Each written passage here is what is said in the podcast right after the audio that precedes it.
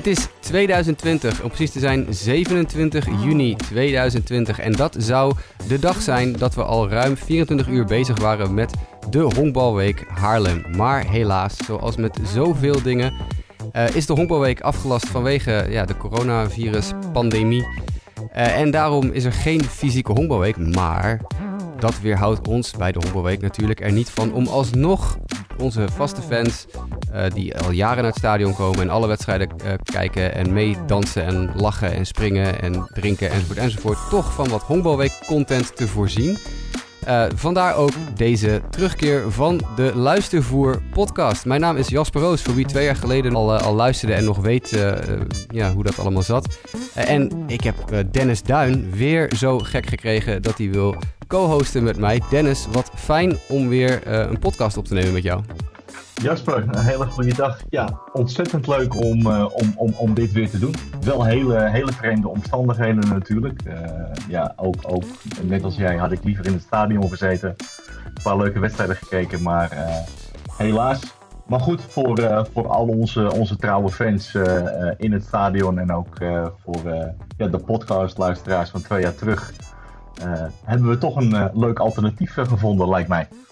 We zaten er al uh, een tijdje over te, te, praten, ook voordat de Hongerweek afgelast werd, dat we echt weer zeker weten de podcast gingen doen. En daarbovenop gingen we nog allerlei andere super gave dingen doen met videocontent en livestreams en weet ik het allemaal. Uh, maar ja, goed, dat is allemaal helaas uh, eventjes voorlopig opgeschoven naar 2022. Ik ben in ieder geval blij dat we weer gaan podcasten en op die manier een beetje gaan, gaan praten met, of met elkaar over de Honkbalweek.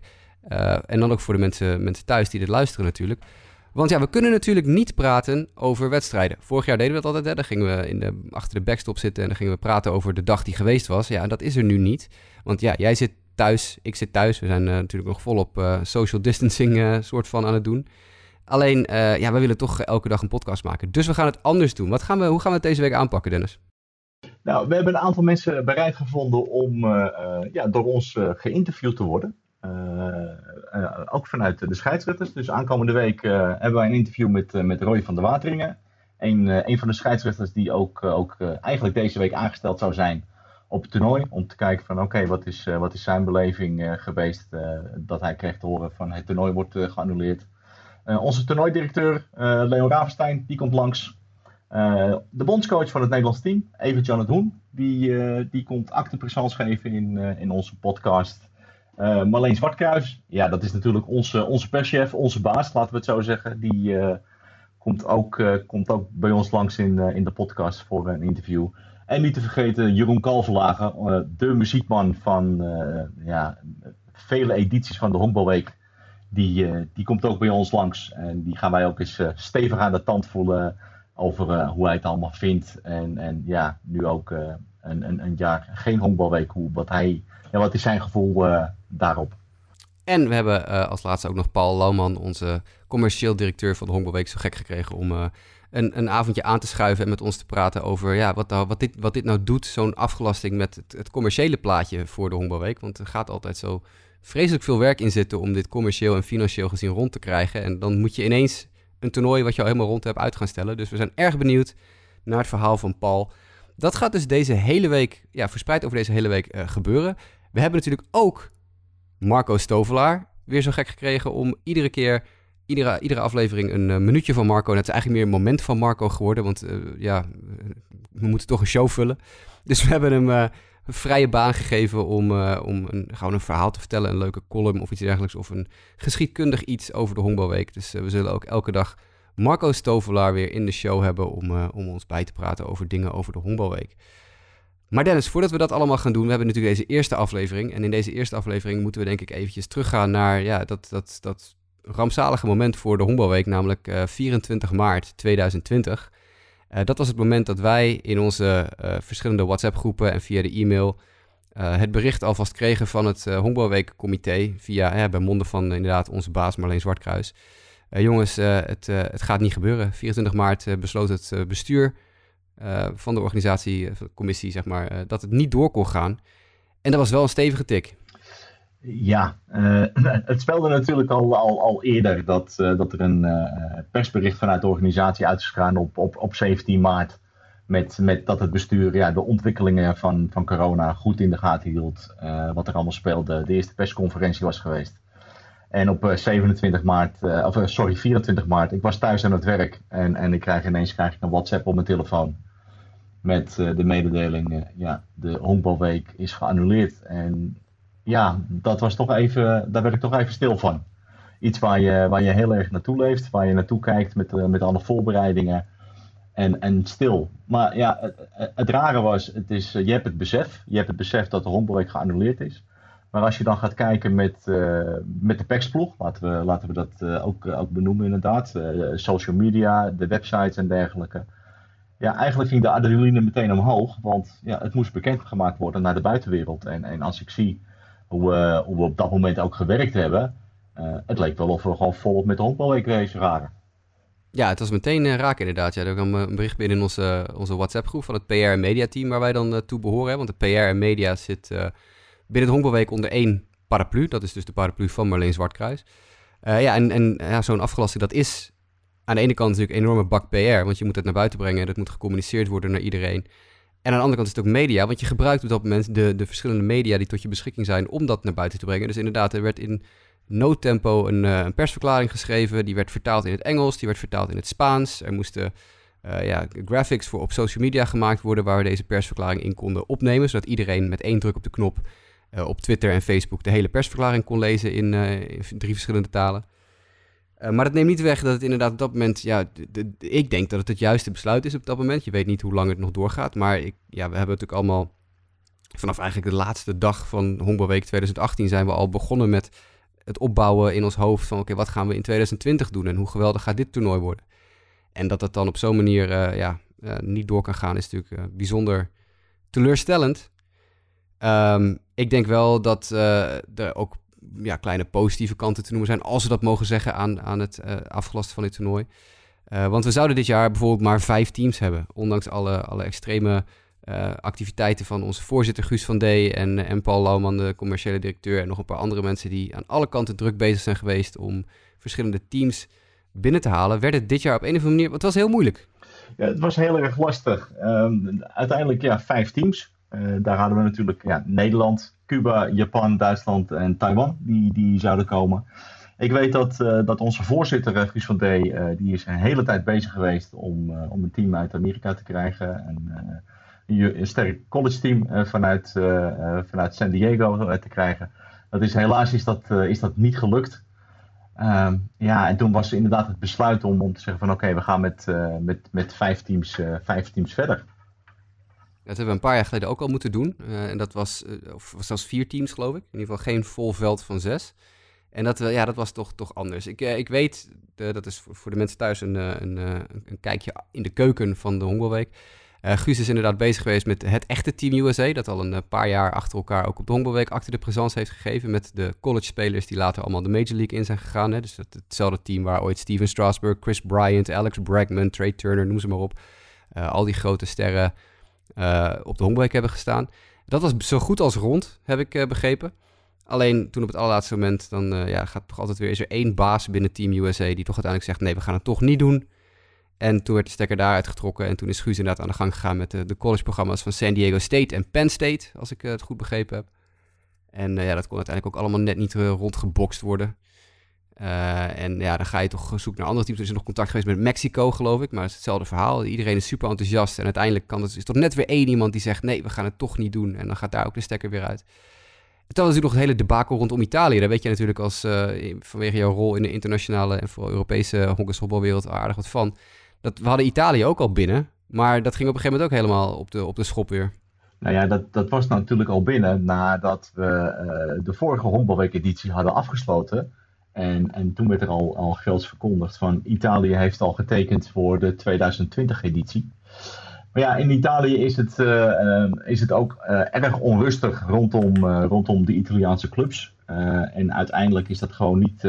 ja, Italië kwam niet. En dat had puur te maken met dus de clubs, met het competitieprogramma wat, wat, wat daar neer is gezet. waar er dus gewoon absoluut geen ruimte was om het Italiaanse team af te vaardigen naar, naar Nederland.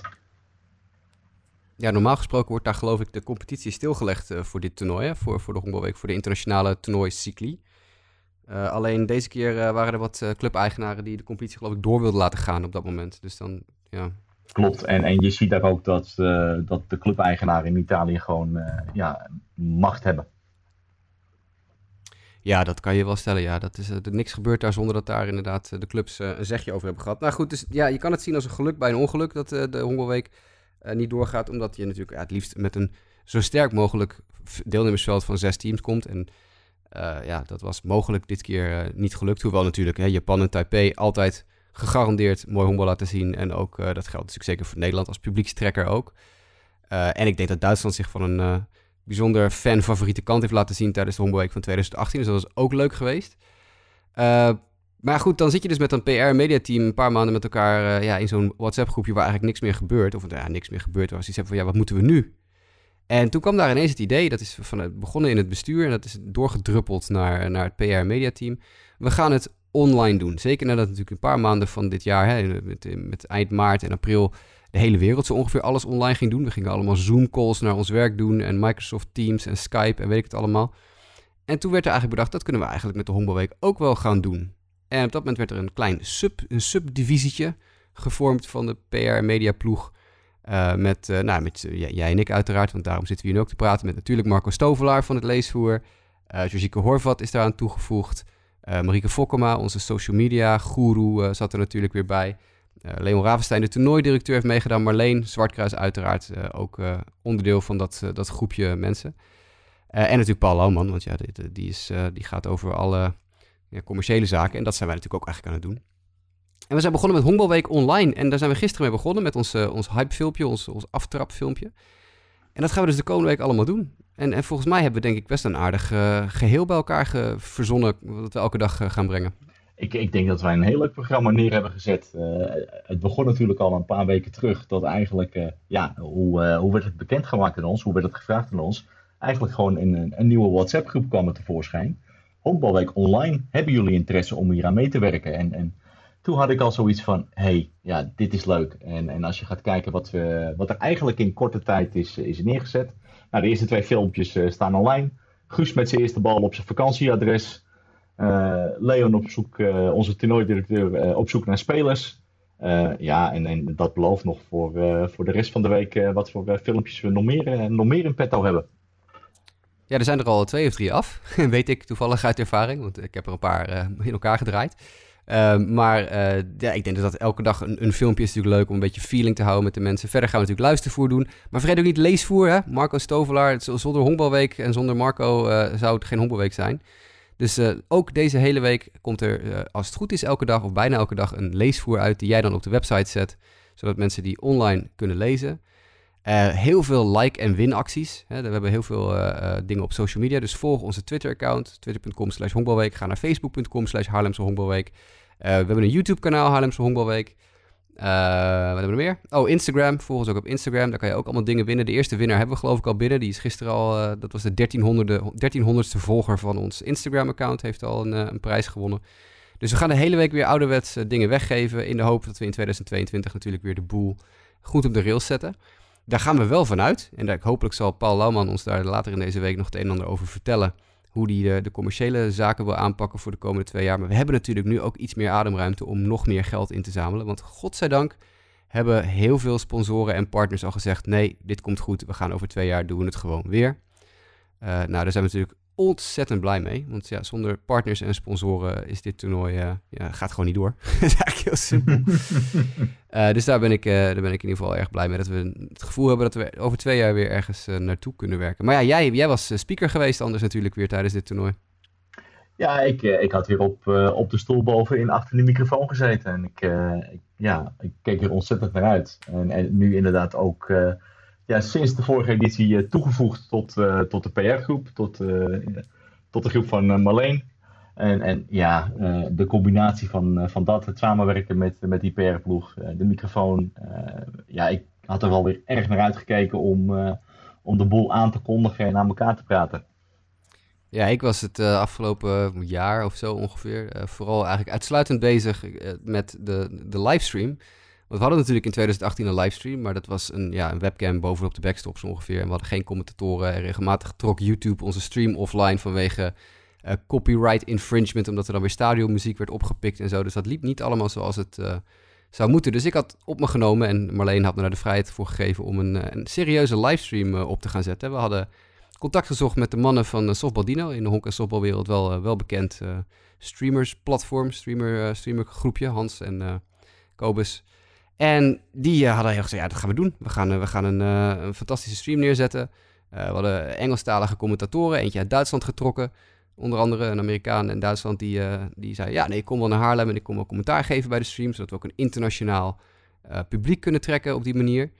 we hadden contact gehad met RTV Noord-Holland. RTV Noord-Holland die gezegd hebben... luister, we gaan met jullie aan de gang... en we, we leveren camera's en we doen dit en dat en zus en zo... Dus alles bij elkaar hadden we een, een fantastisch geheel bij elkaar bedacht voor de livestream. En dan is het heel erg jammer dat dat natuurlijk niet doorgaat. Maar ja, de energie is erin gestopt. We weten nu, we hebben een framework gemaakt van hoe we die stream aan willen pakken. Dat gaan we over twee jaar gewoon nog een keer proberen. Met de hulp van de mannen van Softball Dino. Met de mannen van RTV Noord-Holland die we gesproken hebben. En daar gaat een, ja, daar gaat een prachtige stream uitkomen op den duur. Ja, we hebben het, het, het plan hebben we wel staan, denk ik. Ja, we waren er klaar voor. We waren er klaar voor voor, uh, voor, voor 2020 met, uh, met allerlei leuke dingen, nieuwe dingen. ja, helaas gaan we het doorschuiven naar 2022. maar we hebben nu nog, nog twee jaar extra de tijd om het nog leuker en nog mooier te maken. Nou, dat gaan we dan ook zeker doen. dat betekent ook wel, omdat we natuurlijk geen actualiteiten of echt nieuwtjes hebben waarschijnlijk deze week. En zeker geen wedstrijden om op terug te blikken. De afleveringen zullen niet zoals vorige oh, editie uh, tussen een half uur en een uur zijn. Want toen varieerden we een beetje van 35 minuten tot 55 minuten per aflevering. Ik denk dat wij uh, ja, mikken op uh, een kwartiertje tot een half uurtje per aflevering. om het fris en fruitig te houden. Um, dus ik denk dat we de aflevering voor vandaag langzaam maar gaan, gaan afsluiten. mochten mensen het leuk vinden uh, om contact te zoeken met, uh, met onze podcast. En uh, bijvoorbeeld, ja, stel je voor, je wil iets specifieks weten over, over de Honkbalweek zoals we dat nu doen. Of je hebt iets gemist, of je wil dat we ergens specifieks over praten, of je hebt een suggestie. dan kan je die natuurlijk naar ons twitteren via het Twitter-account van de Honkbalweek. Je kan het eventueel ook mailen naar de site. Hebben wij een algemeen e-mailadres, Dennis, waar dat heen kan? Info at. Ja, info at Nou, daar kan het dan ook onder vermelding van podcast bijvoorbeeld naartoe. Uh, en voor de rest denk ik dat we het maar uh, moeten gaan afsluiten voor vandaag, Dennis, met, met Marco Stovelaar. Want volgens mij kan ik zo meteen op een knopje drukken en dan hebben we Marco Stovelaar Geweldig. En, en die stem ook gemist. Het orakel, het orakel van de honk en softbal. Ook weer terug. Het orakel Stovelaar is weer terug. We gaan eens kijken of dit lukt. Ik ga op een knopje drukken en dan gaan we over naar Marco Stovelaar.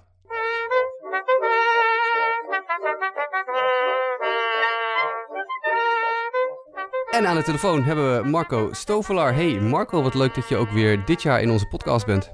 Hey Jasper, zeker. Ja, het is altijd leuk om weer mee te praten.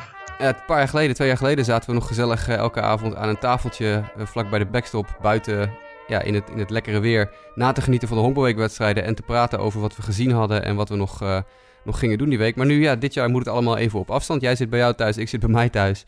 Dennis zit bij hem thuis. En op deze manier proberen we een podcast in elkaar te draaien. Um, hoe was het voor jou als, als honkbalweek, uh, ja, toch wel legende, iemand die alles heeft meegemaakt wat er mee te maken valt op het gebied van honkbalweek. Dit kan je nu ook in je boekje bijschrijven. Ja, zeker, zeker. Dit komt ook op de lijst. Het is, uh, ja, dit, dit, is ook heel, heel apart. Uh, 1972 was mijn eerste honkbalweek als, als hele jonge toeschouwer. En, en daarna heb ik alle honkbalweken meegemaakt. En tussendoor de, de Europese kampioenschappen, wereldkampioenschappen die in Haarlem geweest zijn. Dus het is, uh, ja, het is, de beste, het is een andere zomer. Heel andere zomer, ja. En, en we gaan ja. dit jaar natuurlijk wel gewoon door met wat we ja, zoveel mogelijk hebben twee jaar geleden ook gedaan hebben. We hebben de podcast die we gewoon weer doen. We hebben het leesvoer, ben je weer mee bezig, zag ik? Ja, hebben we ook weer gewoon gedaan. Dat komt komende week uh, elke week uit. Elke dag uit, moet ik zeggen. Ja, ik, ik heb alweer de eerste uh, middernachtelijke mail van je heb ik alweer binnen met allerlei uh, leesvoer-content. Want voor de mensen die dat niet meer weten van twee jaar geleden, je, de communicatie gaat meestal tot diep in de nacht door. ja, ja, zeker. Het worden nachtelijke uren inderdaad. Gelukkig kunnen we de mensen dit jaar nog een klein beetje iets van de Honkbalweek ja, bieden. Ook op deze manier, ook thuis en online. Een van de meest populaire elementen van de vorige Honkbalweek en van onze podcast was het moment van Marco.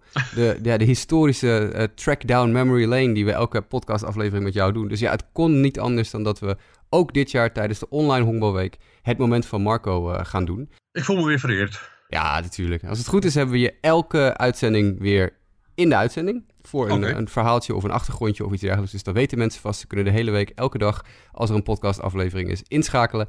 En ergens in de uitzending verstopt zit het moment van Marco. Dus eh, voor alle fans, dan weten jullie dat vast. En wat heb je voor deze allereerste eh, corona-uitzending van de Honkbalweek Online voor ons in petto? Nou, eh, al- als we naar deze Hongerweek kijken, dan zou Evert Janet Hoen zou, de manager zijn van het Nederlands Hongerteam. Maar als we teruggaan naar de eerste Hongerweek in 1961, toen was eh, Ron Fraser was toen coach, was de eerste Amerikaanse coach van het Nederlands Hongerteam. En laten we even wat cijfertjes tussendoor eh, opnoemen. In de voorgaande eh 29 honkbalweken zijn er 17 verschillende bondscoaches geweest. En tot en met 1990 waren er daar 9 van afkomstig uit Amerika. En tussendoor was Charles Urbanus senior en Hamilton Richardson ook even bondscoach.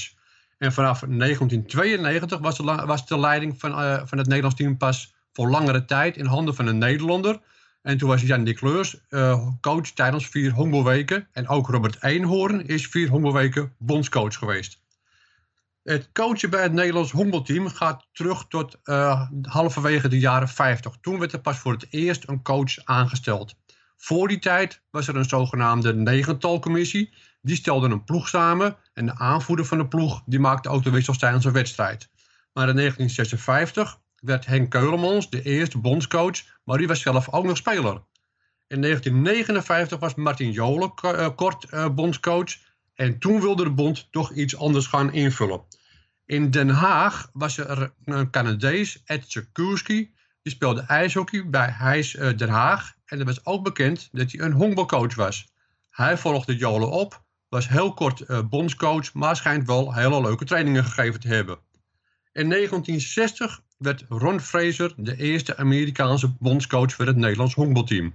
Fraser was als militair gelegerd in Duitsland, toen West-Duitsland, en viel als coach op van het Duitse honkbalteam tijdens het Europees kampioenschap van 1958 in Amsterdam. Fraser verbeterde inderdaad de kwaliteit van het Nederlands honkbalteam en onder zijn leiding werd Nederland Europees kampioen in 1960 en 1962. Hij ging daarna terug naar Amerika, maar in 1972 en in 1973 was hij, opnieuw, was hij opnieuw bondscoach van het Nederlands honkbalteam. Ook nu succes, want in 1973 was er weer een Europese titel. Na zijn debuut bij het Nederlands team heeft Fraser een hele indrukwekkende loopbaan gehad. Hij is 30 jaar coach geweest van het honkbalteam van de University of Miami, met wie hij 12 maal de College World Series bereikte en die ook tweemaal heeft gewonnen. In 1992 was hij de hoofdcoach van de nationale Amerikaanse ploeg tijdens de Olympische Spelen in Barcelona. Ron Fraser heeft driemaal deelgenomen aan de honkbalweek en deed dat als eerste in drie verschillende decennia. In 1961 en 1972 als coach van het Nederlands honkbalteam en in 1980 als hoofdcoach van Miami Hurricanes, dat toen de honkbalweek won. Tijdens de eerste honkbalweek in 1961 eindigde Fraser met Nederland op de vierde plaats. Na de laatste wedstrijd werd er een, een homerun contest georganiseerd voor de coaches van de deelnemers. Fraser won toen de, de, de contest, hij won een paar klompen, trok die aan en liep ermee naar het eerste honk. Maar de kennismaking, de allereerste kennismaking met Ron Fraser, was heel memorabel. In 1960 was hij nauwelijks een maand in Nederland toen hij op een grasveld in, op het honkbalterrein van Bloemendaal een training leidde van het Nederlands honkbalteam. Die training werd afgesloten met het nemen van slidings. Het veld was hard en Fraser adviseerde zijn spelers om hun schoenen met spikes uit te doen, want die zouden wel eens kunnen blijven haken. Fraser was niet tevreden over wat hij zag en besloot zelf een sliding voor te doen, maar vergat zijn eigen spikes uit te doen. En ja hoor, u raadt het al, Fraser bleef achter een grasbol steken, brak zijn linker onderbeen en ontwrichtte zijn linker enkel. Maar, toeval of niet, de Nederlandse bond had eerder op die dag juist een ongevallenverzekering afgesloten. Waar haal je dit ook vandaan? Fantastisch, uh, fantastisch moment van Marco om deze Honkbalweek eh, podcast 2020 mee af te trappen. Marco, ik vind het ontzettend fijn dat je elke dag weer uh, van uh, dit soort verhalen aan ons gaat vertellen. we spreken je morgen. Zeker, tot morgen. Dankjewel.